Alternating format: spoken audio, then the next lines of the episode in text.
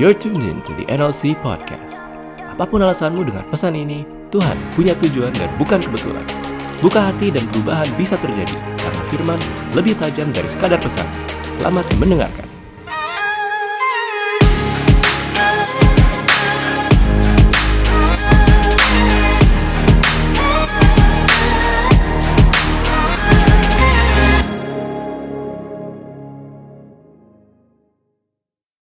Kita masuk ke bulan yang baru. Kita masuk ke bulan yang baru yang berjudul Purposeful Stewardship. Oke?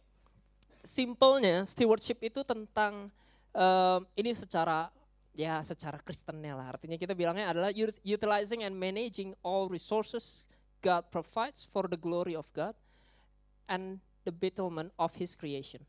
Intinya adalah cuman stewardship adalah kita gimana caranya kita memaksimalkan, gimana caranya kita memanage sesuatu yang Tuhan udah berikan buat kita, yang untuk nanti dikembalikan lagi sama Tuhan. Oke, so saya akan pakai practical words yang paling gampang buat semuanya. Mungkin yang paling familiar adalah sebenarnya how into becoming a manager. Saya pakai simpelnya adalah kalau kita stewardship itu kayak kita gimana caranya kita menjadi seorang manager yang yang baik gitu loh. Apa yang dimaksud dengan good steward adalah good manager. Nah, siapa yang di sini udah buat semua yang masih muda, yang masih SMA, percayalah ini berguna untuk kalian. Jadi make sure kalian dengarkan karena di masa depan kalian akan ngelewatin ini semua. Jadi em, siapa yang di sini sudah bekerja sebagai karyawan? Siapa yang sudah bekerja? Yang sebagai budak kantoran? Saya juga budak kantoran. Jadi kayak kayak apa namanya? Waktu saya ingat banget, saya waktu dulu pertama kali kerja, saya pas mulai dari, saya lulus dari Singapura, saya lulus dari Singapura tiga tahun, habis itu saya dikirim sama mama saya ke Cina, dia bilang buat belajar bahasa biar kamu ada gunanya sedikit katanya. Jadi saya belajar bahasa setahun ke Cina, ke Beijing, saya belajar, habis itu saya pulang ke Jakarta dengan ekspektasi dari keluarga saya bahwa saya akan bekerja dengan posisi yang bagus, gaji yang lebih tinggi dari orang-orang normal sekitarnya. Karena dipikir kayak saya lulusan luar negeri bisa bahasa Cina loh. Meskipun sekarang udah nggak kepake. Udah lupa semua maksudnya. Terus kayak akhirnya saya pulang much to her surprise saya kerja di satu company di Group On dengan gaji waktu itu I think UMR 3 juta. 2012 2012 saya dengan gaji UMR betapa marahnya dia. Bukan betapa senangnya dia saya masuk sebagai sebagai karyawan yang ya kita start biasanya kayak gitu. I think I think sebagian besar dari kita ketika kamu lulus dari kuliah kamu, kamu punya sebuah ekspektasi kamu pengen kerja kayak gimana. And then most of the times kita masuk, kita masuk ke pada posisi karyawan, paling rendahnya dulu. Artinya ada yang masuk sebagai sales, ada yang masuk sebagai accountant, whatever your job desk is, pokoknya kita masuk ke dalam role yang masih sedikit lebih kecil. Oke? Nah, idealnya adalah role kamu kecil, peran kamu kecil, responsibility kamu lebih kecil influence yang kamu bisa pakai juga lebih kecil. Ya kan, scope pekerjaan kamu cuman apa yang ada di depan kamu. Istilahnya bos kamu cuma bilang kayak you have only one job just to do this. Gitu loh istilahnya kayak kamu cuma perlu kerjain ini. Meskipun terus terang banyak di zaman sekarang kebalikannya. Yang di paling bawah yang paling banyak pekerjaannya, yang di atas nggak ngapa-ngapain. Paling eh, eh, itu itu kesalahan manajemen. Tapi the truth is harusnya waktu kita bekerja jadi staff pertama-tama scope kita sebagian itu aja. Dulu yang sebagai sales, saya cuma peduli sama sales saya aja. Saya peduli area saya. Tapi when the higher ups, waktu orang-orang di atas kamu ngelihat kayak, oh orang ini melakukan pekerjaannya dengan baik. Orang ini bisa. Mereka mulai give you bigger responsibilities. They start to giving you more influence. Artinya, oke, saya mau kasih kamu sebuah tim. And you try to manage that team. And that's how you become a manager yang bukan cuman artinya scope pekerjaan kamu bukan cuman sebatas apa yang job desk yang kayak kesannya di depan mata kamu di bagian itu aja tapi kamu mesti mulai perhatiin pekerjaan orang lain juga kamu mesti mulai perhatiin keadaan orang lain juga saya waktu itu diajarin sama satu satu atasan saya pas saya kerja di restoran em, sama orang Jepang ini dia dia bilang ke saya kayak gini dia bilang dia bilang apa namanya Em, posisi kamu saya waktu itu kan kepala kepala toko di restoran. Dia bilang posisi kamu adalah posisi paling susah di seluruh grup ini. Karena kamu di restoran, kamu harus menyenangkan company kamu. Kamu harus menyenangkan staff kamu. Saya pegang 35 staff total pada saat itu. 35 staff di restoran. Jadi kamu pegang eh kamu mesti memanage menyenangkan 35 staff kamu. Dan kamu mesti menyenangkan tamu-tamu kamu. Customer dari luar. Dia bilang kalau sama company kamu, ya kamu gimana caranya kamu bekerja dan bisa direspek sama disayang sama company kamu dan mereka puas sama kinerja kamu. Sama staff kamu gimana cara kamu delegate kerjaan, gimana kamu cara train mereka jadi leader di masa depan, gimana caranya kamu semuanya ngelakuin itu sampai staff kamu juga senang dan semangat datang kerja. Dan sama klien sama customer, gimana caranya kamu diseringin sama tamu kamu. Dia bilang manajer yang bagus adalah manajer yang bisa manage ketiga hal ini dan ketemuin seimbangnya di mana. Karena nggak bisa berat di satu titik mana pun. Dia bilang kamu nggak bisa disenengin sama company kamu, sama atasan kamu. Tapi staff kamu benci sama kamu. Hasilnya nggak bakal maksimal. Kamu nggak bisa disenengin, maksudnya kayak, oh company sayang sama kamu, staff kamu sayang demen sama kamu. Tapi kamu nggak disukain sama customer kamu, restoran siapa yang mau datang? Kamu disenengin sama tamu-tamu restoran, staff senang sama kamu, tapi hasilnya kagak ada, nggak ada sales, nggak ada, nggak ada apa, ya company juga bete. Ya kan? Jadi nggak ada, nggak bisa kita cuma titik beratin di satu, tapi kita mesti find the balance di tiga hal ini. Nah, kalau kita praktekin di kehidupan kita, sama nggak? Sebenarnya bahwa dalam kehidupan kita banyak hal yang mudah mulai masuk ke responsibility kita dan kita mesti belajar untuk balance-nya. Apakah itu gampang? Terus terang itu susah setengah mati. True to be told, itu susah banget. Gitu loh. Kadang kadang karena kenapa makin kita bertambah dewasa, makin kita punya banyak responsibilities. Dan akhirnya pada suatu hari kamu nyampe ke satu titik di mana kamu mulai mikir antara yang saya mau sama yang saya harus lakukan itu berbeda. What I want to do and what I have to do or I need to do is different. Dan kita torn di antara dua itu. Gitu loh, kita kita kadang-kadang cuma pengen kayak ya waktu saya ingat banget waktu saya zamannya sekolah, saya pergi sama anak-anak sekolah saya dulu, zamannya mereka udah pada nge-mall gitu kan, udah pada nge-mall, saya ingin mencoba gaul. Pengen, nggak berhasil, clearly. Cuman saya pengen sekali gaul dulu, jadi saya pergi sama anak-anak sekolah saya ke mall. Bedanya, keluarga saya mengajarkan saya dengan sangat keras, artinya saya pergi ke mall dikasih uang jajan 50 ribu, ke mall itu, jadi saya bukan yang tipe sama orang tua saya, saya nggak dikasih bulanan. Saya dikasih langsung eh, on the spot, ya mau ke mana ya dikasih on the spot. Saya dikasih 50 ribu. Pilihannya kamu mau nonton atau mau, mau makan. Habis itu pulang. Jadi saya ke mall 2 jam. Batas saya waktu itu SMP sama SMA. Di mana teman saya kalau ke mall bawanya 300 ribu. Beda kelas. Jadi kayak kayak saya lingkungan saya seperti itu, pangeran. nah, cuman maksudnya kayak saya pergi dikasih uang jajan 50 ribu suruh pilih, makan nonton, habis itu pulang. Dan waktu saya waktu saya di muda itu, waktu saya pas masih SMA, SMP, hal yang paling saya pengen adalah saya pengen cepat kuliah. Karena saya nggak di Jakarta jadi saya bebas kesannya. Setelah dari kuliah saya pengen cepat kerja, jadi saya punya uang sendiri, saya bisa ngatur sendiri uangnya mau kayak gimana. Sekarang kalau saya minta ke orang tua kan nggak enak. Sekarang udah kerja. kayak apa yang paling enak dalam kehidupan kamu? SMA men. kayak beban kehidupan kita cuman cuman antara rapot tahunan, Ya, ada yang beberapa kasusnya adalah kayak saya punya pacar atau tidak atau atau peer pressure dari teman-teman. Hey, you got your case. Iya, tapi waktu kamu bertambah dewasa, you got more responsibilities coming. Ada banyak hal yang mesti kita kerjain lagi. Tapi ya memang seperti itu. Saya nggak bisa balik ke sekolah lagi. Bisa, tapi akan sangat bodoh buat saya untuk balik ke sekolah lagi. Cuman yang saya harus kerjakan adalah saya mesti manage apa yang di depan saya sekarang. Saya mesti atur apa yang di depan saya sekarang. Instead of complaining, saya lebih pengen yang mana? Saya lebih pengen responsibility kecil dan lain-lain. Kalau it's given to you, udah dikasih ke kamu, ya our job is to manage it. Oke? Okay? So itu yang kalau kita belajar hari ini. Semua siap? Yeah. Terima kasih akan jawabmu di sana. Ya, oke. Um, saya ada satu cerita, saya ingat saya kemarin, saya um, pas saya ketemu sama teman saya, di, saya ingat satu teman saya di Singapura, saya nggak akan sebutin namanya. Bukan Ken, teman saya ada yang lain di Singapura. Jadi biar biar buat kalian untuk yang menerka-nerka Ken nih kayaknya Ken, Ken enggak, bukan Ken. Ada teman saya yang lain di Singapura, teman gereja saya. Um, saya saya nggak begitu dekat sama anak ini, oke? Okay? Saya nggak begitu dekat sama anak ini. Saya, saya biasanya di gereja saya cukup dekat sama beberapa banyak anak, tapi yang anak cowok ini saya nggak begitu dekat. And then one day, pokoknya ada satu kesempatan di mana saya ngobrol berdua sama dia. Itu pas saya waktu itu sebelum saya balik ke Jakarta lah intinya. Um, saya ada kesempatan ngobrol sama dia. Terus dia dia ngobrol sama saya. Terus dia tanya, Nil, eh gue mau nanya lu nih serius. Oh iya boleh apa? Saya nggak bohong ya. Ini pertanyaan dia. Gimana sih caranya deketin cewek? Asik kan, kece banget gue. Cuman dia tanya, gimana sih caranya deketin cewek? Terus saya pikir kayak, pertanyaan cetek sini gue jawab. Sama aja bohong. Terus tapi kayak saya nggak inget saya benar-benar nggak inget jawaban saya apa pada saat itu. Cuman saya inget saya inget sekali dia pernah tanya ke saya hal itu. Saya nggak inget jawaban saya. I'm pretty sure bukan jawaban yang luar biasa karena when I was young I was young and stupid not young and free.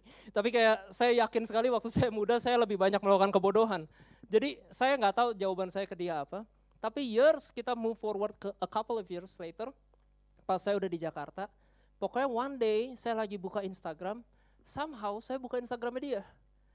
Saya nggak inget kapan, saya bahkan nggak inget kapan saya follow dia karena saya nggak deket sama dia. Jadi pokoknya saya lihat Instagram dia, dia lagi posting pokoknya makan di restoran yang super mewah di lantai yang macam restoran yang lantai 60 gitu gitulah yang VIP kayak gitu-gitu sambil makan berdua ceweknya habis itu dikasih kayak bunga dikasih kalung dan lain-lain pokoknya mewah deh mewah banget sebagai netizen dan rakyat jelata biasa ya saya stalking dong, ya kan? Sebagai rakyat jelata biasa ya, ya, ya true to be ya kita ngelihat kayak gitu kan, uh menarik ya. Jadi saya saya buka Instagram ya, saya mulai lihat, wah mewah orang ini, kaya raya orang ini. Dia lebih, eh, FYI dia lebih muda dari saya. Dia lebih muda, I think tiga tahun atau empat tahun, saya lupa. Dia lebih muda dari saya, and then pas saya lihat kayak, wah mewah sekali orang ini. Saya tahu saya tahu keluarga dia memang dulu cukup berada tapi yang saya kaget dianya sendiri. Pokoknya setiap hari tuh dia udah kayak posting motivational and tentang pekerjaan, tentang apa yang dia kerjain. Sampai until today dia eh, dia setiap hari posting kayak makan di akhirnya baik 15 juta. Widih, gue mesti nyicil berapa bulan buat 15 juta sehari semalam. Pokoknya pokoknya kehidupan yang mewah itu. Akhirnya ada satu kali saya ketemuan sama dia. Jadi dia waktu itu mau punya satu restoran, Terus pokoknya saya ada ada gimana, pokoknya kita ngobrol. Jadi akhirnya saya ketemuan sama dia. Saya kepik, saya ketemuan sama dia, saya duduk sama dia, saya ngobrol. Terus dia bilang kayak, eh bro gila udah lama banget gak ketemu gitu udah berapa tahun. Gue gue inget banget terakhir gue ngobrol sama lu gimana cara gue dapet punya cewek. Hahaha. Kurang ajar, sombong dia. cuman nggak cuman cuman maksudnya kayak dia dia yang dia ingat juga cuma itu doang. Saya bingung dari semua conversation yang saya punya kenapa saya cuma ingat itu doang. Tapi pokoknya dia ngobrol, dia cerita and then dia ngobrol-ngobrol-ngobrol segala macam. Kita hang out di semacam cafe dia sama teman-temannya gitu. Ya dia sambil sambil ngerokok sambil ngebir segala macam gitu-gitu segala macam. Pokoknya akhirnya kita ngobrol selesai pulang. Oke. Okay. dan this is where it gets ugly.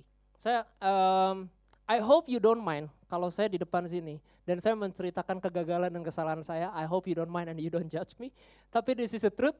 Kayak I feel really bad about this. Waktu saya pulang Waktu saya ketemu dia, I was like, man good for you segala macam. Tapi waktu saya pulang, this is the truth, I feel a bit jealous.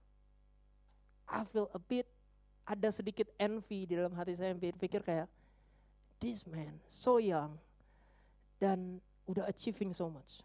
Kayaknya ada ada yang dia udah udah nyampe, you know, dia achieving a lot of things, dia kerja sampai kayak gini semacam. Kemarin dia baru masuk majalah semacam majalah bisnis, dia jadi covernya di umur yang masih muda gitu loh, one of the youngest yang more rich. Gue lupa miliaran atau triliunan, I, I don't remember. Pokoknya dia masuk ke situ dan ada tiny bit di dalam bukan tiny bit, I'm lying. It's a big it's a big feeling di mana saya merasa kayak I'm jealous. I envy what he did. Bukan I sorry, ralat. Saya bukan iri sama apa yang dia lakukan. Saya iri sama hasil yang dia punya. Saya iri sama kehidupan yang dia lagi jalanin saat ini. And then this is the worst second part. Yang tadi perasaan envy sama jealous nggak separah sama perasaan ini. Yang kedua, saya ngerasa waktu saya saya mencoba menenangkan diri saya, saya malah go to kayak pas saya ngeliat enggak lah. Tapi dia ngerokok, dia apa segala macem. I think I'm better than him. That is the worst feeling I get. I just judge his life. I just judge this man's life dan saya berpikir, men hidupnya lebih berantakan kayak daripada gue. Oh buktinya udah putus. Enggak, enggak, cuman eh, saya nggak ketawa. Cuman maksud saya, perasaan itu, perasaan itu muncul di hati saya. Perasaan tadinya jealous sama envy dan untuk menenangkan hati saya yang kayaknya iri hati itu saya nggak pengen iri sama orang. Jadi gimana caranya? Saya rendahin orang itu. You know, saya rendahin diri dia dan karena ya I think I'm better just to make myself feel better cuman buat supaya saya nggak kayak rendah-rendah amat. Saya pikir kayak, no, I'm better than him. Dia ya hidupnya berantakan. I think kayaknya ngobat deh. You know, that kind of thinking yang yang keluar di perasaan hati saya. Tapi di situ saya ngerasa saya gagal banget malah. Karena I thought we are called to be a blessings. Bahkan Tuhan ingetin saya pas pas saya perasaan kayak gitu, Tuhan ingetin saya, I thought you you your vision is to make a church di mana no judgment. Untuk bisa terima semua orang di dalam satu gereja, but what I just did adalah I just judge that man life. Saya baru berpikir bahwa orang itu sedikit lebih rendah daripada saya karena apa yang kelihatannya dia show. Cuman dimulai dari iri hati sama apa yang dia punya you know, you can't manage the things. Saya pengen hasil yang ada di tangan dia. Tapi saya kadang-kadang, bukan kadang-kadang, seharusnya saya acknowledge apa yang saya punya di tangan saya. Problemnya kadang-kadang kita fokus sama highlights yang orang lain. Kita fokus sama kehidupan orang lain. Dan kita pengen kayak gitu. Kita pengen apa yang di tangan mereka, sedangkan kita sendiri nggak tahu apa yang ada di tangan kita ketika kita mulai jealous sama kehidupan orang lain, ketika kita mulai iri hati sama kehidupan orang lain, hal yang pertama yang akan keluar di hati kamu adalah kamu kurang. Bukan kamu berkecukupan. Yang kamu lihat di sana adalah kehidupan-kehidupan mereka yang mewah, yang pengen, yang kamu pengen. Saya saya berani jamin di dalam Instagram kamu dari orang-orang yang kamu follow pasti ada orang-orang yang kamu nggak kenal sama sekali bukan online shop. Online shop kamu gak kenal memang, tapi kamu mau belanja. Cuman maksud saya ada orang-orang yang maybe you just like because of like, my God his lifestyle is so cool. Atau gila ini goals banget nih kehidupan kayak gini. Makanya dalam satu spot Instagram, satu foto bisa ada berapa puluh ribu orang foto di sana karena kalau gak, gak ikutan gue ketinggalan. You know kayak kita kita pengen kejar kayak gitu, kita pengen kejar apa yang orang lain punya itu karena di mata kita it looks good. Dan kayaknya hidup dia enak tapi we fail to acknowledge apa yang ada di tangan kita. How can you be thankful sama apa yang kamu punya? Kalau fokus kita setiap hari cuman liatin apa yang orang lain punya. And sad to say, I have to learn that the hard way. Dengan melalui kesalahan-kesalahan, dengan melalui apa yang saya lakukan. Tapi I thank God Tuhan masih ngajarin, karena itu bikin saya jadi lebih ingat supaya berikutnya jangan begitu lagi. The key to management is only one thing. Salah satunya adalah cuman belajar tahu apa yang kita punya di tangan kita dulu. That's how you start. Kalau kita nggak tahu apa yang kita punya di tangan kita, how do you manage it?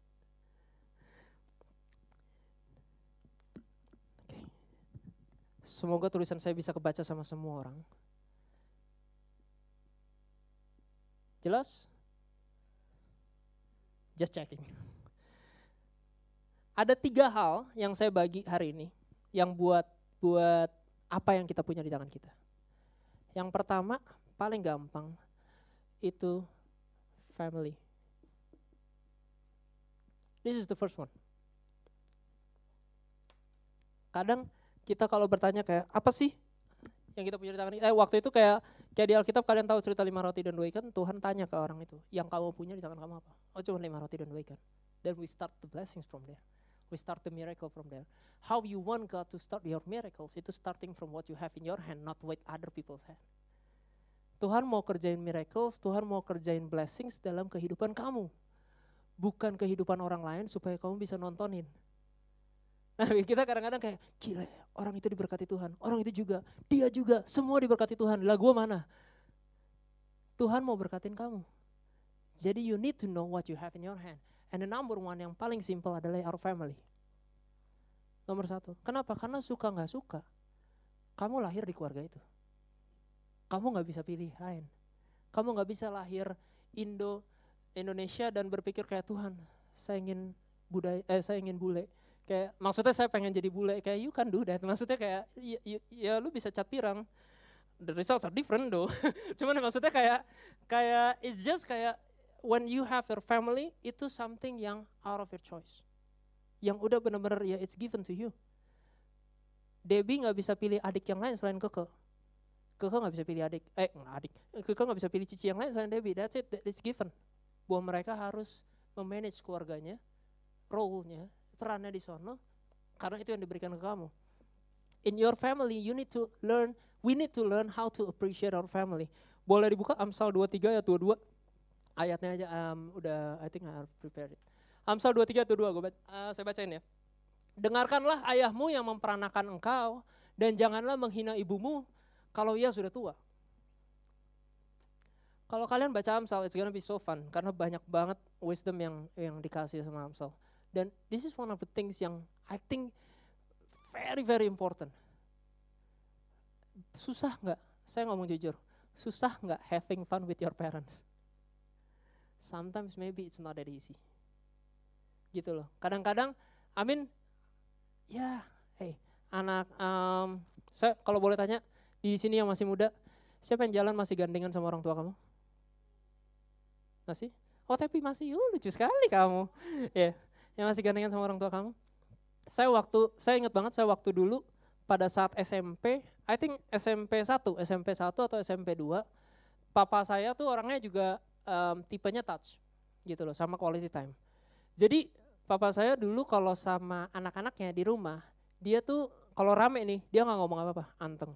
Dia bakal diam aja karena cici saya, mama saya semua, huhu. udah jadi dia dia anteng aja. Tapi kayak, tapi dia sering setiap Sabtu dia pasti ngajakin saya pergi berdua. I think saya pernah cerita sini, dia selalu ngajakin saya pergi berdua, just to have a quality time. Kita olahraga, main pingpong, main basket, pergi ke toko olahraga, nggak beli apa-apa. Saya udah window shopping dari SMP. Jadi kayak kayak apa namanya? Dia pergi dan semasa perjalanan itu dia biasakan untuk selalu ngobrol sama saya. Tapi this is ini ini penyesalan saya salah satunya adalah karena dulu SMP saya nggak ngerti. Saya gengsi saya lebih besar karena kalau saya jalan di Rangkul, saya takut ketemu teman saya dan nanti dibilang anak papa atau anak mama, saya push away. Saya malu. Saya waktu SMP, game PS1 saya kayaknya lebih menarik dari pembicaraan conversation between me and my dad. Tamat juga kagak. Tapi kayak kayak it's just kayak kayaknya ini lebih seru daripada ngobrol dengerin bapak gua. And you know, you never know the timing, tapi somehow when you miss it, you just you just lost it. You just lost the chance. Dan ini yang lebih sedihnya lagi adalah saya mendengarkan kebaikan dan betapa hebatnya bapak saya dari cerita orang-orang yang pernah ketemu sama dia. Dari pada saat dia meninggal semua orang, semua teman-temannya cerita betapa baiknya, betapa luar biasa hidupnya, betapa dia memberkati orang-orang sekitar sana. Tapi saya anaknya nggak tahu ceritanya. Karena pada saat saya punya waktu sama dia, saya nggak pakai waktu saya sama dia. Instead saya fokus ke hal-hal yang lain. And then, you know, ya kalau misalkan waktu dulu, saya nggak bisa balikin, tapi kalau misalkan waktu dulu saya memilih duduk lebih banyak sama dia, dengerin cerita dia, tanya ke dia, mungkin ada banyak kebodohan dalam hidup saya yang saya bisa hindarkan, karena dia udah pernah lewatin itu. Banyak kebodohan dalam kehidupan saya yang bisa saya lewatin, saya nggak perlu jalanin dulu, saya nggak perlu batu dulu. Saya bisa lebih benar kalau saya duduk dan mendengarkan dia. So what you have, when you, your role hari ini peran kamu jadi anak, jadi anak cowok maupun anak cewek, be a good son and a good daughter to your parents. Gak usah neko-neko. Kamu gak diminta untuk financially harus manage. Iya kalau ada beberapa case di mana kamu financial mesti manage, yes. Tapi don't ever you forget this. You listen to your father, And don't ever raise your voice to the mom. Wali orang tua. Kenapa? Kadang-kadang kita suka berpikir bahwa, hey, I can't relate to my parents anymore. Saya nggak bisa dekat lagi sama orang tua saya. Kenapa? Ya kayaknya mereka nggak gaul. Of course mereka nggak gaul. Mereka hidup di zaman yang beda sama kita zaman. I think 30 tahun lagi when you become a parents, belum tentu kamu bisa ngikutin seluruh tren yang anak kamu nanti punya. And the least thing that you want is your kids to never listen to you again. The least things yang kita mau adalah supaya kita berhenti, anak kita berhenti dengerin kita. So that's why when today hari ini kita punya role-nya untuk menjadi anak, hari ini kita punya role-nya untuk ada yang menjadi suami, ada yang untuk menjadi istri. Be a good husband and be a good wife. Husband bilang love your wife, ya, wife respect your husband. Saya belum menikah, tapi saya tahu saya mesti ngelakuin itu sebenarnya. saya mesti practice that hard. It's not easy tapi you gotta do it. Karena itu yang Tuhan lagi kasih. Kita bisa ke fokus sama hal-hal yang lain dan salah satu hal yang paling cepat kita buang biasanya yang ini. Karena we take them for granted. Karena kita pikir, oke okay, keluarga udah stay sama kita dari lahir, mereka yang harusnya paling pertama menerima kita, mereka yang harusnya paling gak pernah komplain sama kita. Jadi we take them for granted dan akhirnya kita tinggalin. Ini yang paling kita tinggalin. Padahal Tuhan bilang start from your family.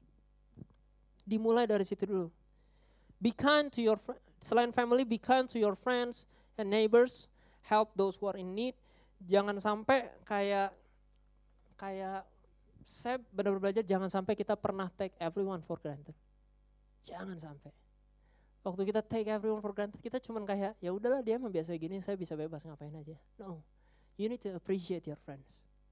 Kalau ada teman kamu yang duduk sama kamu waktu dia nangis, ada teman kamu yang berani tegur kamu waktu kamu salah, yang benar-benar berani datang ke kamu dan bilang, hey, I think you're making a mistake, just to treasure that friends.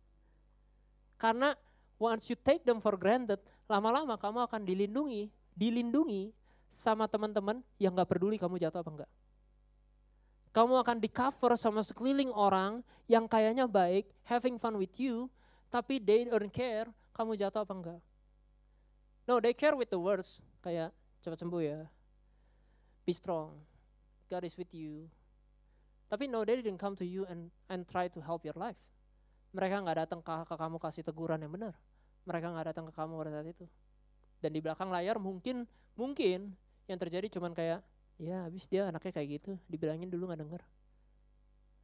When you take things for granted, you forget to appreciate them. Ya kita akan di cover sama orang-orang yang nggak peduli sama kita. And you don't want that in your life. Kita pengen orang-orang sekeliling kita adalah orang-orang yang pengen benar-benar jadi teman kita. Yang benar-benar kayak, dude you're making a mistake. Kalau kayak gitu, this is the consequences yang lu bakal living. Dengar apa enggaknya urusan kita. Tapi kita pengen punya teman yang mau datangin kita kayak gitu. And I think for family and relationships, yang saya benar-benar belajar satu kayak there are no such thing as a perfect relationship. That's what I believe. Gak ada such thing as a perfect relationship. There is no such thing as a perfect family. Gak ada. Itu kayak kayak the only thing is you can be good in your role. Di dalam peran-peran kamu, you can be good, it's your choice. Itu pilihan kamu. Kamu mau jadi anak yang baik, kamu mau jadi pasangan yang baik, kamu mau jadi teman yang baik, itu ada di tangan kamu. Orang lain responsnya kayak gimana, urusan mereka. You can come up to me and bilang kayak, saya udah baik ke, ke orang tua saya, saya udah dengerin dia, saya maksudnya udah respect dia, saya nggak pernah naikin nada saya, tapi orang tua saya nggak ngerti saya. That's okay. Karena peran kamu bukan membuat orang tua kamu ngerti sama kamu, peran kamu adalah untuk merespek dan menghormati dia. Jangan sampai karena dia kayaknya nggak ngerti kamu, kamu injek dia di bawah. Yang kayak tadi saya lakukan ke teman saya. Karena saya nggak bisa lebih hebat dari dia, yang saya lakukan adalah saya mengecilkan dia dengan bilang bahwa saya better daripada dia. I mean you can do that to your parents even. Sedihnya adalah itu ya kan. Kita bisa ngelakuin itu ke parents kita, kita nggak respect kayak ya tapi gue lebih pintar dari emak gue sekarang. Ya iyalah lo lebih pintar. Emak gue belum tentu bisa pakai komputer. Of course you sounds like you're smarter, tapi kita mesti belajar respect mereka and be a good son and be a good daughter for them. Okay? Then the second one, oh, where's the The second one is your finance.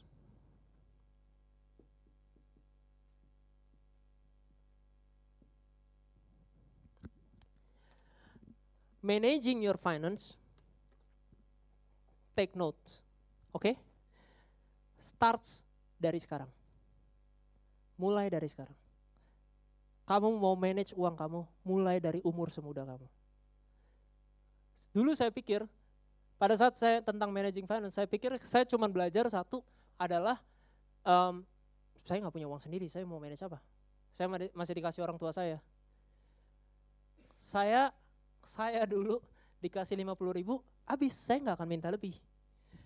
Takut mati. Nggak, saya nggak bakal minta lebih. Saya minta, dikasih 50 ribu untuk pergi, saya pergi pakai 50 ribu. Tapi dikasih 300 ribu, saya pasti habis. Pasti. Dikasih satu juta pun saya pasti habis. Entah bagaimana caranya, pokoknya saya tahu cara menghabiskannya. Tapi saya nggak mau minta lagi. Di di mana di di dalam finance pada saat masa muda kamu, itu masa habit kamu mulai dibentuk. Jadi belajarlah nabung dari sekarang. Belajarlah save up your money. Kamu dikasih orang tua kamu jajan baik sebulan mau harian, belajar save up dari sekarang. Saya ketemu banyak sekali teman-teman saya yang lebih muda dari saya, punya tabungan lebih besar dari saya. Karena kenapa habitsnya dari muda udah beda sama saya. Saya dulu, saya kes, salah, apa namanya, di dalam dalam pelajaran hidup saya, sorry tambahan satu cerita lagi, ini saya pernah cerita di Komsel, tapi saya belum pernah cerita di sini. Jadi keluarga saya pas ayah saya meninggal, itu ternyata saya dikasih tahu bahwa bahwa pokoknya right after ayah saya meninggal seminggu kemudian atau dua minggu kemudian saya lupa. Pokoknya saya dikasih tahu bahwa saya dikasih tahu mami saya kalau ternyata ayah saya punya utang dalam hidupnya. Saya nggak tahu nominalnya karena dulu saya 14 saya tidak peduli. Saya tahu mami saya bisa ngurusin dan lain-lain segala macam jadi pokoknya dia punya dia punya utang ternyata hutangnya itu dimulai dari sejak sebelum mereka menikah. So years before utangnya dimulai. Utangnya bukan buat dia kayak judi bola dan lain-lain bukan untuk itu. Dia waktu itu buka bisnis bisnisnya is not running well dia butuh dana untuk modal. Tapi kayaknya uh, dengan pandainya atau mungkin di zaman dulu kayak gitu dia pinjamnya sama semacam rentenir. Jadi dia pinjam uang untuk jalanin usahanya dan akhirnya perusahaannya nggak terselamatkan bangkrut udah dan dia tapi terus bayar utangnya and then dia mulai terus bayar utangnya udah kayak hampir clear tiba-tiba 98 krisis moneter nominalnya dari berapa jam up. Langsung jadi jauh lagi. Dia mau cicil-cicil lagi, pokoknya udah hampir mau kelar, udah hampir mau kelar lagi nominalnya. Tiba-tiba ayah saya kan meninggal. And then, um, eh belum hampir mau kelar lah, pokoknya ada beberapa yang masih ada uangnya gitu, yang mesti diutangin. Terus ayah saya meninggal, terus basically mami saya tahu dia ternyata ada utang dan lain-lain segala macam. Terus si rentenirnya ini bilang, rentenirnya ini bilang datang ke keluarga saya, satu bulan setelah ayah saya meninggal, satu bulan dia kontak mami saya, dia bilang kayak gini, ehm, udah deh Ci, biar Cici nggak pusing-pusing, kan saya juga ngerti suami baru meninggal gitu-gitu, udah deh Ci, Cici bayar nominal segini aja. Nominalnya jauh lebih kecil daripada daripada jumlah aslinya gitu. Cici bayar segini aja, saya anggap udah deh kelar gitu loh. Biar Cici sama keluarga juga nggak kayak diganggu dan lain-lain segala macam. Jadi mami saya sebulan dalam masa yang belum begitu jelas lah belum begitu bisa berpikir jernih ya udah ini ada orang baik mau kelarin gitu-gitu ya udah dia bayarin senominal nominal yang diminta tiga bulan kemudian rentenir itu balik dan tuntut dulu cuma mami saya sekarang dituntut termasuk sama saya jadi satu keluarga kita dan yang jadi jaminan sitaannya adalah toko mami saya itu tiga bulan setelah saya meninggal pas mami saya ngobrol sama pengacara pengacara bilang sebenarnya kalau kamu yang waktu itu nominal segitu kamu nggak mau bayar juga bisa karena istilahnya utangnya terjadi sebelum kamu nikah, jadi kamu bisa bilang nggak tahu. Tapi karena kamu udah bayar nominal sekecil itu, dianggapnya kamu tahu tentang utang itu, jadi kamu mesti lunasin. Jadi orang itu tahu keadaan itu. Jadi tiga bulan kemudian dia datang ke keluarga saya, yang tadinya dituntut cuman sebagian, jadi dituntut jauh lebih besar. Jadi sekeluarga saya ini um, kena hitungannya kena tuntut. FYI tuntutannya masih terjadi sampai hari ini. Saya kemarin ngobrol sama mami saya, mami saya ceritain detailnya, Terus mami saya ceritain dengan penuh amarah dan passionate gitu loh. Gila kan tuh orang. Neil, terus dia bentar. Orang itu masuk neraka kan. kayak I don't know the Christian way kayak, kayak saya pengen jawab iya tapi nanti saya dosa cuman kayak well I don't know man tapi kayak kayak intinya orang itu sekarang kita bisa bayar nggak utang bisa kita bisa bayar tapi orang itu sengaja nggak mau dibayar jadi orang itu diteleponin lari-lari terus dan lain-lain. Dan mami saya kan udah belajar mesti suratnya lengkap dan lain-lain segala macam. Tapi orang itu selalu kabur jadi dia kayak nggak mau dibayar karena dia menunggu hasil yang you know bisa jackpot lagi bisa kena bisa kena serang lagi gitu. Ya I don't know why. Tapi intinya intinya sampai sekarang masih proses uangnya sudah dipisahin sama mami saya untuk bayar dia. Tapi dia ya masih belum kelar sampai sekarang. Waktu kita jangan saya belajar dari situ saya cuma belajar satu. Dulu saya belajar adalah jangan pernah berhutang. Saya belajar jangan pernah sekalipun dalam hidup kamu kamu berhutang karena waktu kamu berhutang kamu akan fokus sama kekurangan. When God asks you to give something, yang di kepala kamu pasti kayak yang kamu keinget adalah gua aja ngutang. Saya aja masih ada ngutang, gimana saya bisa kasih orang? Makanya tuh di Alkitab pun bilang, kelarin dulu utangnya. Bayarin dulu, finish it dulu. Tapi sebisa mungkin dalam hidup kamu, jangan pernah berhutang. Hey, saya dulu punya prinsip seperti itu.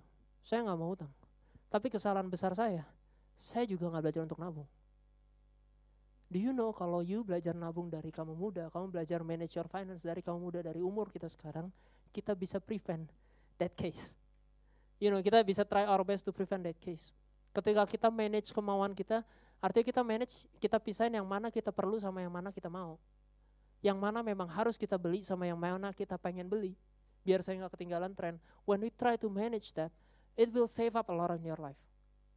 Dan itu belajar benar-benar supaya kita nggak ketinggalan di finance-nya. Tuhan bukan cuma pengen kayak, ayo kamu manage hati kamu. No, He wants you to manage your finance. Di Amsal aja diceritain, orang yang kaya banyak temennya. Itu di Amsal loh. Jadi Tuhan bilang, orang yang miskin, orang yang apa, bakal ditinggal sama orang-orang. So bukannya di Alkitab lagi bilang, bukan lagi di gereja supaya bilang kayak, ya ya jangan jangan terbutakan oleh uang. Kamu terbutakan oleh uang apa enggak, gimana cara kamu ngelihatnya. Karena uang amplifies what you desire. Kalau uang kamu pakai untuk kemuliaan Tuhan, benar-benar untuk kemuliaan Tuhan, kamu akan tahu gimana Tuhan memberkati kamu. Gitu loh, kamu akan bisa realize betapa Tuhan kasih kita, kayak gimana. Waktu saya, saya berpikir kayak dulu kalau per, waktu itu gaji kita 3 juta, kita diminta perpuluhan 10 persen, 300 ribu, oke. Okay. Gaji kamu 30 juta, mulai minta, kamu pikir perpuluhannya 3 juta? Itu aja udah mulai berat tapi kadang-kadang Tuhan bisa, Tuhan adalah Tuhan yang mungkin bisa kayak, oh gaji kamu 30 juta, ada orang butuh 15 juta. So give it to them. Can you do that? Kita doa untuk minta berkat lebih, tapi can you handle the responsibility ketika berkat itu datang? Kita doa untuk finance yang lebih, tapi can you manage those finance? Untuk bisa jadi berkat buat orang lain. Atau kita pengen bilangnya kenapa kamu pengen? Saya ingin bekerja. Dan ini jawaban standar semua Christianity. Kalau saya pengen bekerja dan saya pengen kaya raya kenapa? Supaya saya bisa memberkati banyak orang. Cek the truth is kadang-kadang ketika mau dikasih kayak nah kayaknya enggak deh. When you managing it harus benar-benar jelas manage your finance yang kayak tadi saya cerita saya 50 ribu habis 300 ribu habis sejuta juga bisa habis. Kenapa? Saya kalau punya uang lebih, saya traktir teman-teman saya. Tapi ini bodohnya saya. Kalau kamu traktir orang, kamu kayaknya, oh saya orangnya generous kok. Saya bisa give ke orang lain. Hey, yang kamu give itu beda sama generosity. Generosity adalah menemukan orang yang in needs dan kamu berani sacrifice apa yang kamu punya untuk penuhin kebutuhan mereka. Give is just a give. Waktu saya traktir teman-teman saya, teman-teman saya nggak ada yang in need. Nggak ada. Nggak ada case mereka di mana mereka membutuhkan bantuan saya. Nggak ada case. Tapi kenapa saya traktir mereka? Karena saya pengen dapat acknowledgement sama appreciation dari mereka. Saya pengen dapat peran di dalam pertemanan bahwa Daniel bayar loh, Daniel bisa traktir orang. So when the money come up, saya lakuin itu. Am I a generous person? I don't think so. Hati-hati sama generosity. Kamu, kamusnya kita kayak gimana nih?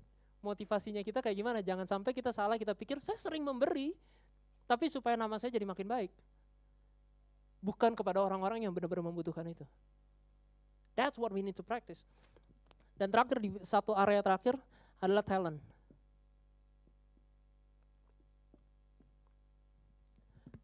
Talent juga sesuatu yang Tuhan berikan ke dalam kehidupan kita yang gak bisa kita apain.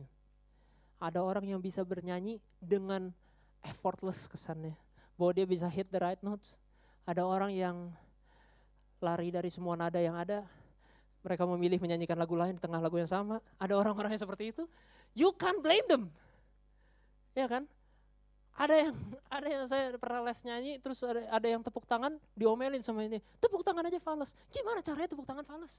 Suaranya sama, bisa diomelin kayak gitu. Tapi tapi kayak there are some people yang have more talents that than you do. Talents adalah apa yang Tuhan udah kasih ke kamu dan kamu nggak bisa pilih mau yang lain Tuhan. The only thing you can do is to practice your talent. Di cerita Matius 25 ayat 14 sampai 30, nggak apa-apa nggak usah dibuka ini cerita tentang perumpamaan yang tentang hamba yang diberikan talenta. Saya singkat ceritanya adalah dia bilang kayak gini. Jadi ada satu hamba dikasih eh ada tiga hamba. Masternya bakal pergi for a long time katanya. Masternya bakal pergi overseas dan lain-lain. So dia percayain asetnya dia ke orang-orang kepercayaannya. Gitu. Jadi anggapannya contohnya Tesa dikasih 50 ribu. Dia nggak bilang apa-apa, dia cuma kasih Tesa 50 ribu. Merek dikasih 20 ribu. Mail dikasih ceceng. Yang koin ya, recehan. Ceceng, recehan koin. Biar jelas. Biar jelas. ya. Nah, 50 ribu, 20 ribu ceceng. Yang 50 ribu berpikir kayak, hey, I'm gonna work this. I'm gonna make it work. I'm gonna do something about it. I'm gonna make it work. Dan dia kerjain, dan hasilnya dia dapat 100 ribu totalnya. Yang 20 ribu, thinking the same thing. I'm gonna make this work. Saya bakal kerjain sesuatu dengan ini, saya coba sesuatu dengan ini, saya bakal kerjain, saya maksimalkan, dia dapat 40 ribu. Yang ceceng, yang seribu mikir, you know what, saya kubur aja. saya, gak, saya buka eh, gali tanah, saya kubur aja. Dulu saya pikir kayak yang ceceng ini mungkin minder. Gue cuma dikasih ceceng, lihat. Dia iri sama dua orang lain yang 50 ribu, 20 ribu. Yang kayak yang lain dapat gede, saya dapat kecil. Udahlah, berarti emang tuan gue juga gak respect sama gue, dia juga gak percaya sama gue, ngapain? Ngapain gue usahain? Udahlah, saya kubur aja. Tapi waktu saya baca lagi, saya belajar sesuatu hal yang baru. Di Alkitab ditulis bahwa ketika tuannya balik, yang 50 ribu report. Tuhan, saya udah kerjain. Ini kayak tipe student yang dapat nilai A. kayak, Tuhan, saya udah kerjain. Nih, saya bisa multiply sampai 100 ribu. Oh, good job. Good job. Oke. Okay. Nih, uangnya dikasih ke siapa lagi? Tuan ya kan? Uangnya dia nggak kolek loh, nggak ditulis itu uangnya dikasih lagi ke tuannya. Dia kerjain 100% untuk dikasih balik ke tuannya. Tuannya terima, dan tuannya bilang, you know what, you are a good worker, come and join me in my happiness. Diajak join bareng-bareng. 20 ribu doing the same thing. Merek dulu, eh Tuhan saya udah kerjain, yang kamu kasih 20 ribu saya maksimalkan sampai jadi 40 ribu. Good job. Oke, okay, come and join me. Yang seribu bilang, Tuhan saya tahu Tuhan orang yang keras. Saya tahu you are a very hard person to please. Saya tahu lu tuh pengennya selalu hasil yang terbagus. Lihat loh, dia dua kali lipat. Dia dua kali lipat. Dia 50 ribu jadi 100 ribu, 20 ribu jadi 40 ribu. Saya, dan saya, ya bukan. Dan kedua juga, kamu, Tuhan tuh tipe orang yang kayak, dia bilang ini, Tuhan tuh orang yang mengambil sesuatu yang kamu gak taruh benihnya. Tuhan tuh cuma menuai sesuatu yang kamu bahkan nggak nggak ngerjain. Jadi, so I hit it on the ground. Dia bilang, saya nggak kerjain itu. Tuannya marah, bilang kayak, lu lazy, lu jahat, lu males mikir kayak gitu. The least you can do, this is the thing that makes me realize, the least you can do adalah lu taruh seribu itu di bank. Setidaknya 5% is better than nothing ya setidaknya dapat bunga di bank.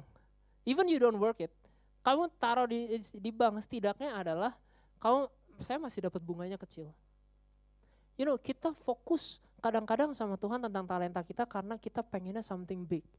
Something huge. Kita pengen hasil yang benar-benar sampai seluruh dunia bisa lihat, sampai you become the number one in the world. Hey, I'm not against that. I totally, kalau kamu bisa kerjain itu, do it with all your heart and all your mind, do it all your power, lakukan, maksimalkan talenta kamu. Tapi yang Tuhan minta cuma kerjain dari hal yang kecil. Masalahnya bukan di 50 ribu, 20 ribu ceceng. Masalahnya saya yakin kalau yang ceceng dikasih 50 ribu, dia akan punya mentalitas yang sama. Dia akan punya mentalitas karena di Alkitab ditulis I was afraid. Orang itu ditulis yang terima seribu itu takut takut dengan kata kegagalannya. Takut dengan kata bahwa dia akan ditolak, takut dengan results yang kayaknya nggak bakal diterima. Jadi orang itu, I prefer not to do anything, saya kubur aja. Dia bahkan nggak mencoba mikir hal yang paling minimal, dia cuma cari yang paling simpelnya. Yang exit way-nya. Tuhan kita bukan Tuhan yang cari performance kita kayak gimana. I thank God, my results, my connection sama Tuhan bukan dinilai dari berapa tabungan yang saya punya. Bukan dinilai dari berapa achievement yang saya kerjakan, bukan dinilai saya masuk tabloid apa tabloid. Saya masuk majalah apa enggak tabloid masih ya. saya saya masih masuk masuk koran apa enggak? No. Tuhan kita bukan Tuhan yang peduli sama itu. Tuhan kita adalah Tuhan yang peduli, yang even kamu dikasih seribu, kamu mau kerjain seribu. Jadi dua ribu apa enggak urusan nanti. Tapi kamu mau kerjainnya. Satu teman saya pernah bilang kayak, hey yang punya lima talenta itu pressure lebih gede. Dia bilang, yang punya lima talenta tuh pressure gede banget. Yang punya satu talenta pressure ya dia cuma satu jadi dua, tapi lima mesti jadi sepuluh. Saya bilang, bukan masalah lima jadi sepuluhnya, masalahnya siapa yang kasih 100% effort apa enggak dalam kehidupannya.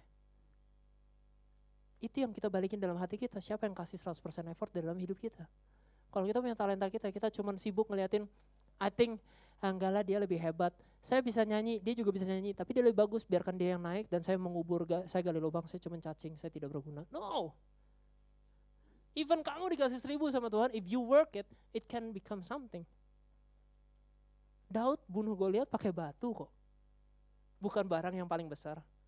Tapi dia praktis gimana caranya ngelempar batu, makanya dia bisa keluar resultnya. Even if you practice the small stuff, it will bring you result. Waktu Tuhan mau pakai kamu. Saya, di I still get them? Masih ada ya? Masih ada waktu ya? Saya akan sedikit mempercepat. So, so tiga hal ini yang menurut saya yang kita benar-benar belajar untuk mesti take over, take control. Kebanyakan dari kita malah blaming the situation. You know, ketika things are not working right, karena family saya begini. Ketika finance, keuangan kita lagi kacau, keluarga saya nggak lahir kaya sih. Mereka pangeran. Saya keuangan yang nggak ada. Aduh bapak mak gua masalah lagi pakai ngutang. Jadi we are blaming others about our finances. Ketika ketika ada masalah, saya nggak bertalenta, saya nggak pinter saya bodoh dan lain-lain segala macam. Hey, there are a few traps yang kita mesti notice on how we becoming a good manager. Yang kita mesti belajar untuk realize. These are the things yang kamu mesti manage. Tapi di dalam hal-hal itu, dalam setiap harinya ada beberapa jebakan yang kita mesti perhatiin dan kita mesti ingat. Ini hal-hal yang berbahaya yang bikin kita akan lose fokus kita sebagai seorang manager. Oke? Okay? Um, yang pertama, jealous and envy. Jealous and envy tadi saya udah ceritain bahwa ketika kita udah mulai fokus sama kehebatan orang lain dan apa yang kita nggak punya, kamu akan lose fokus. Kamu akan berhenti menjadi manajer. Karena kamu kamu sibuk cuma ngeliatin, iya rumput tetangga lebih bagus, rumput tetangga lebih bagus. Bos saya baru minggu ini, hari Senin ini kemarin dia ngobrol sama saya, dia bilang, Daniel, come up with a new concept dalam kerjaan. Ini kompetitor kita, coba kamu cari satu ide baru. Dia bilang itu. Saya saya akhirnya duduk berapa lama, akhirnya saya balik ke dia, saya kasih sebuah ide, saya kasih sebuah proposal. Dia bilang, I really like the idea, segala macam ide. Oke, oke, oke, kita coba try dari sini. Dia bawa timnya, semuanya yang lain, akhirnya kita discuss the idea, dan semua setuju sama idenya. And then dia bilang saya, ini baru hari Senin ini, dia bilang kayak ini. Dan gue tahu, saya tahu lu tipe orang yang um, tipe orang yang pengennya bagus dulu. Dia bilang, lu pengennya perfect dulu dari mana gue taunya karena setiap proposal yang lo kasih kan memang lu belajar dari tempat-tempat lain dan lain-lain segala macem. Dan dan lu kayak ketakutan sendiri gitu bahwa apa yang lu bisa kerjain dan lain-lain segala macem. You know what? I know you're the type of person yang pengennya perfect dulu. You just do it. Lakuin aja dulu. Orang-orang yang lu lihat rumput tetangganya lebih hijau satu mereka rawat tapi yang kedua mereka nggak tampilin pas rumputnya jelek pas lagi baru ditanam mereka proses, mereka pasti kerjain. Sama kayak halnya, yang kamu lagi kerjain hari ini, it's okay, salah pun nggak apa-apa, nanti kita cover. We work it sampai itu jadi jadi hijau, jadi sesuatu yang bagus, yang orang-orang lain baru lihat kita. Lu kenapa ngeliatin rumput tetangga? Karena rumput tetangga kelihatan memang lebih hijau. Yang terang yang lu lihat, pasti. Orang pasti akan cari yang terang, yang mana yang lebih terang. Sama halnya, just do it, just focus, dan kerjain aja apa yang di depan kamu dia kasih motivasi ke saya kayak gitu saya jadi semangat lagi dan lain-lain semacam. Saya nggak nyangka kalau ternyata ini bisa dipakai buat khotbah tapi tapi kayak well itu dari dari bos saya yang dia kasih semangat ke saya. Saya ta, saya sadar bahwa saya kadang-kadang kerja lies on my confidence. Jadi ketika confidence saya makin bagus hasil kerjaan saya lebih bagus lagi. Tapi waktu saya pernah ngomong itu satu teman saya pernah bilang ke saya kayak Jack itu berarti lu sombong. Karena maksudnya lu mesti tunggu confidence sama skill lu dulu, lu mesti tunggu ada orang lain yang lebih rendah daripada lu dan lu lebih hebat, baru lu bisa kerjain secara maksimal, itu artinya lu sombong. Terus gue kayak dalam hati pertama pas saya denger itu, ngomong apa sih? Setelah berapa minggu kemudian, bener juga. kayak ternyata memang jangan-jangan itu karena saya sombong. Your confidence are not supposed to lies on your ability.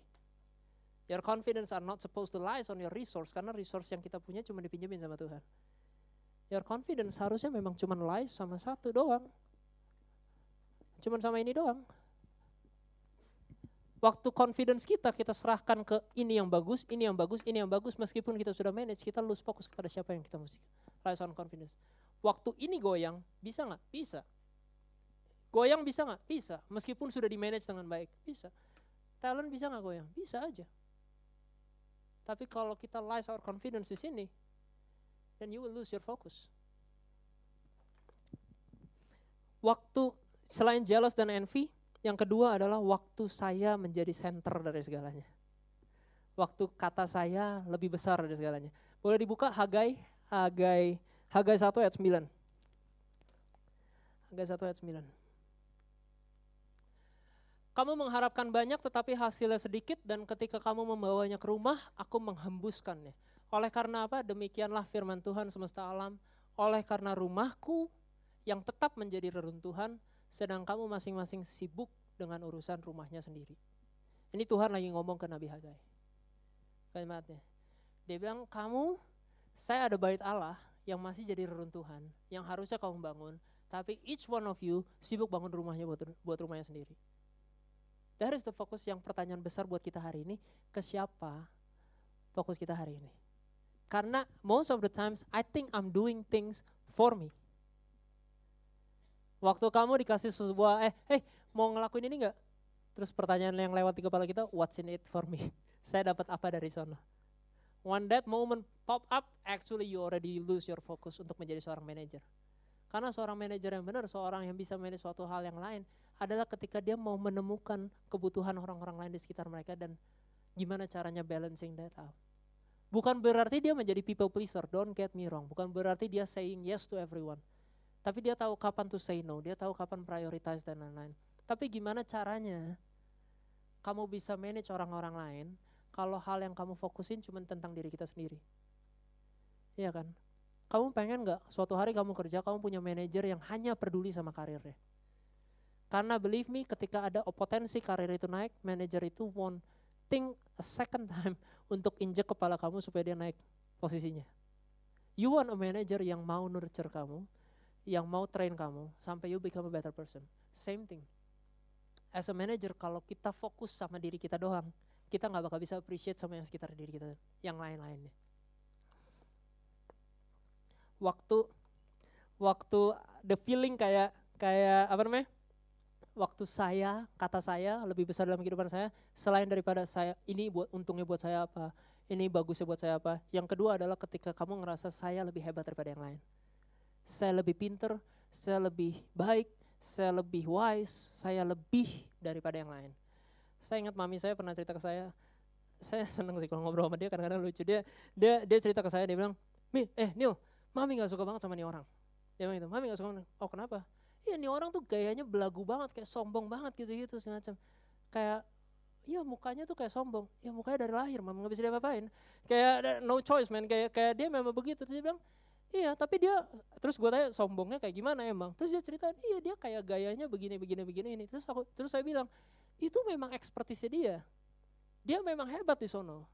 Dia memang kuliahnya itu, dia kerjanya itu, dia udah punya pengalaman di sono. Wajar kalau dia kayaknya gitu. Ini dua kata dari mami saya yang akan selalu saya ingat. Dia bilang, so what?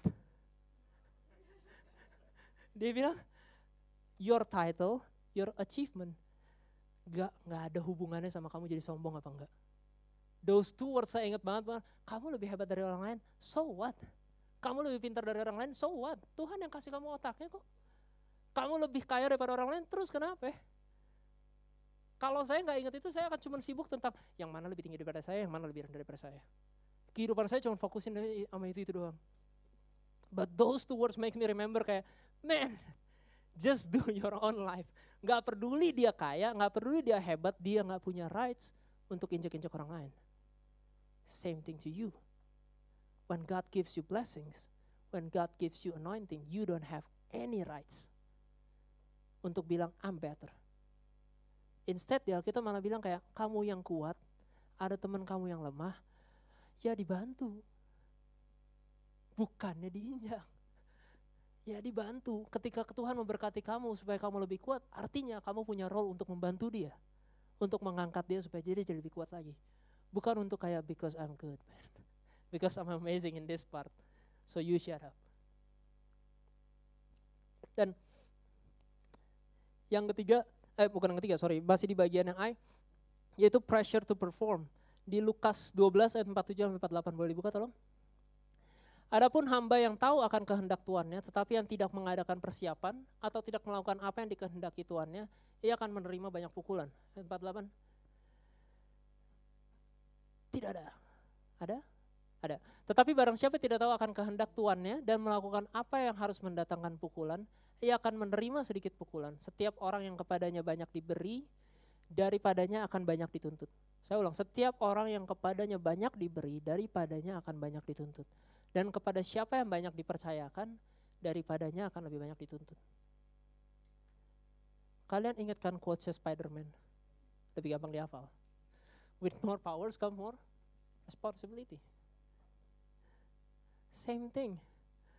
Kita doa untuk minta berkat lebih, are you ready to perform? Ya kan?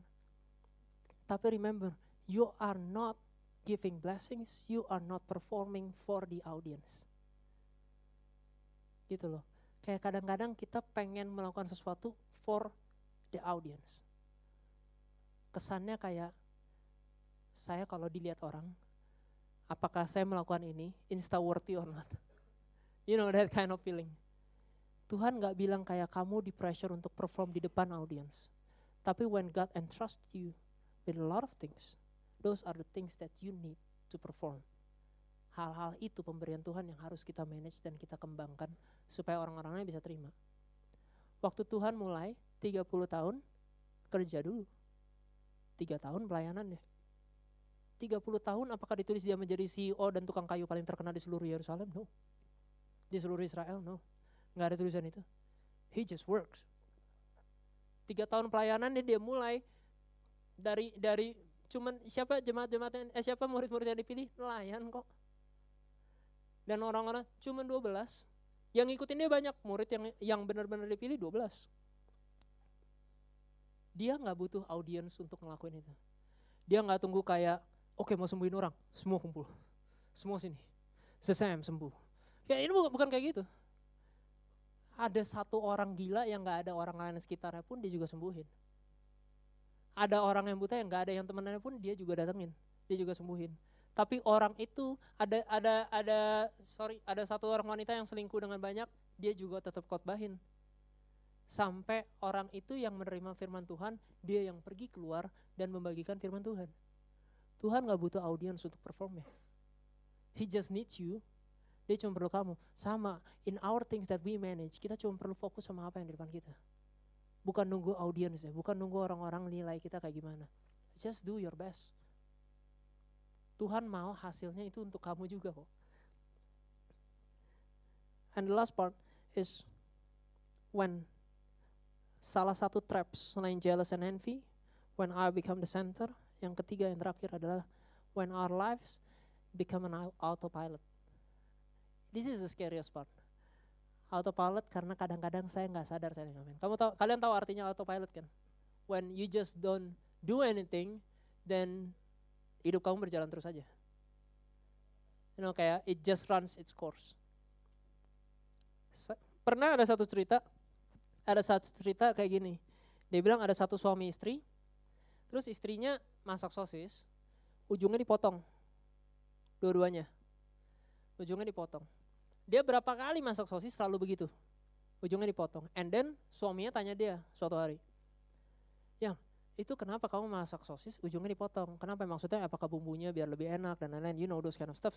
Kenapa kamu ngelakuin itu? Istrinya bilang, oh nggak tahu. Mami saya dulu kalau masakin saya sosis begitu. Oh oke. Okay. Istrinya tanya ke maminya. Mi kenapa ya masak sosis dulu ujungnya dipotong? Terus mami bilang, oh nggak tahu. Nenek kamu dulu masaknya kayak gitu. So dia tanya ke neneknya. Poh ini kenapa ya masak sosis ujungnya dipotong? Terus Popo bilang nggak tahu. Ama eh nggak dia bilang ama kamu soalnya kayak gitu. Maminya Popo dulu ngelakuin kayak gitu. Oh kenapa? Oh ternyata tau nggak apa? Pancinya kecil dulu. Kompornya kecil, nggak muat sosisnya. Jadi potong ujungnya supaya muat kompornya. Jangan-jangan you've been doing the same thing over and over again tanpa ngerti purpose-nya buat apa. I'm afraid Minggu datang ke gereja itu autopilot mode. Minggu kamu ke mana? Gereja. Ngapain? I don't know. You know kayak just like a habit aja jam 9 pagi bangun dan pergi berangkat ke gereja nyampe 10.15. Enggak, 10 ya, ingat. Ya nyampe nyampe jam 10, nyampe jam 10 ke gereja dan lain-lain segala macam. Jangan-jangan kita cuma ngelakuin ini untuk autopilot. Selasa ke mana? Ya ada komsel. Tapi belajar sesuatu enggak?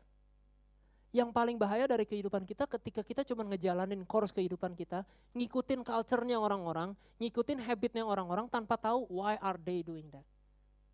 Why are we doing this? Kalau seorang manajer, kamu diangkat suatu hari dalam pekerjaan kamu, kamu naik jadi manajer, terus yang kamu kerjakan full hanya yang dulu ditinggalkan sama pendahulu kamu, nggak perlu ada kamu. Bener nggak? Kasih satu buku SOP jalan ini tapi kenapa perlu ada kamu? Karena perlu ada perubahan. Karena ada nilai baru yang kamu bisa tambahin. Karena ada value baru yang cuma kamu yang bisa lakuin. Ketika kita cuma autopilot mode dalam kehidupan kita, kita cuma ngejalanin kehidupan kita dan berharap hasil yang berbeda. Einstein pun bilang kamu mengharapkan itu itu hal yang bodoh dan gila. Orang gila dan melakukan berulang-ulang dan mengharapkan hasil yang berbeda. Kita ngeliatin orang-orang banyak-banyak di sana, oh iya iya dia kayak gini, dia kayak gini, terakhirnya jatuh.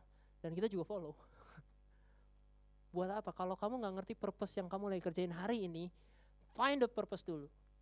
Cari dulu tujuannya. Jangan ngelakuin-ngelakuin terus saja.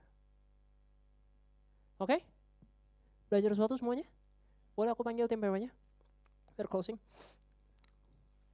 Oh, this is the longest I have preached. um, satu, satu conclusion yang saya bisa, saya mau kasih itu ada di Joshua. Ceritanya ada di Yosua 4 ayat 6 sampai 7. Ada ayatnya? Yosua 4 ayat 6 sampai 7.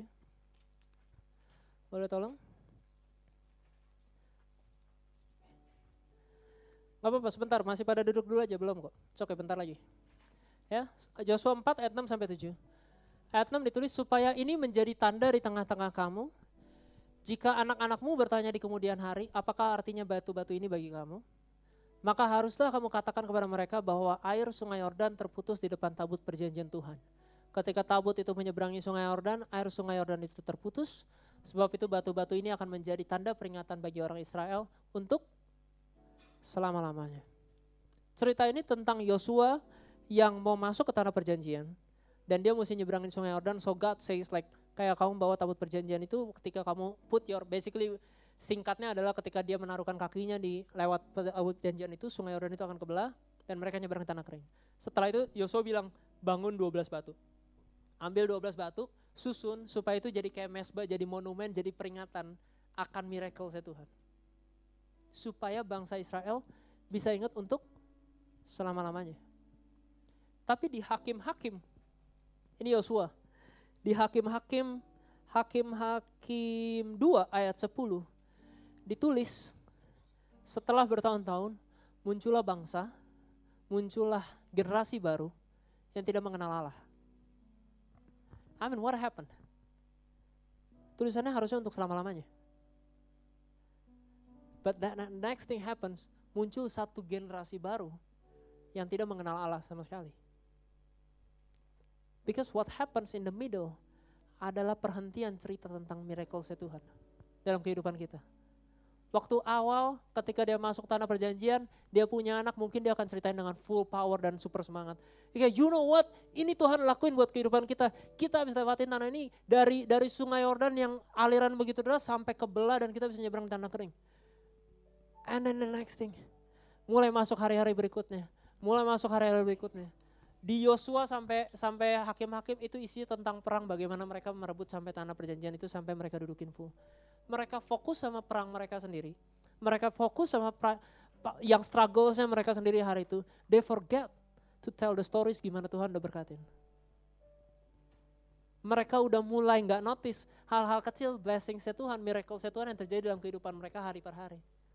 Sampai akhirnya cerita itu cuma jadi dongeng doang. Ketika yang awalnya penuh semangat, lama-lama cuma kayak ya, ya it was cool. Tuhan bantuin kita lewatin itu. Lama-lama ya waktu dulu Tuhan pernah bantuin kita lewatin ini. And then you tone it down again, you tone it down again, you tone it down again. Until muncul satu generasi yang gak mengenal Tuhan sama sekali. I don't want us to be that generation. Saya gak mau kita menjadi generasi yang stop memberitakan Injil tentang kebaikan Tuhan, yang stop menceritakan gimana Tuhan udah baik sama hidup kita, cuman karena ceritanya kayaknya kurang keren. I know that pressure. Kamu datang ke Komsel, kamu mau cerita sebuah sharing di kepala kamu, saya mau cerita tentang gimana saya waktu itu sekolah, eh saya saya ulangan tadinya saya nggak bisa, saya jadi bisa, gimana Tuhan bantu saya belajar sampai bisa. Terus kamu dengar cerita tentang teman kamu yang kayak sakit atau keluarganya ngutang terus dilunasin sama Tuhan, wah cerita dia lebih mewah. Saya nggak berani cerita punya saya. Because it's too small. Dan akhirnya kita cuma nungguin big miracles. Kita cuma nungguin hal-hal besar yang terjadi dalam kehidupan kita yang worth, yang kayaknya menurut kamu kita worth untuk diceritain ke orang lain.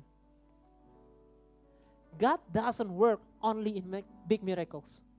Tuhan ada buat kamu cuma bukan nungguin kamu butuh miracles yang besar apa enggak. Tuhan ada buat kamu untuk berkatin kamu dari hal yang paling kecil. Dari hal yang kamu gak sadar, yang kamu kayaknya gak guna, tapi Tuhan berkatin itu dari hal sekecil itu.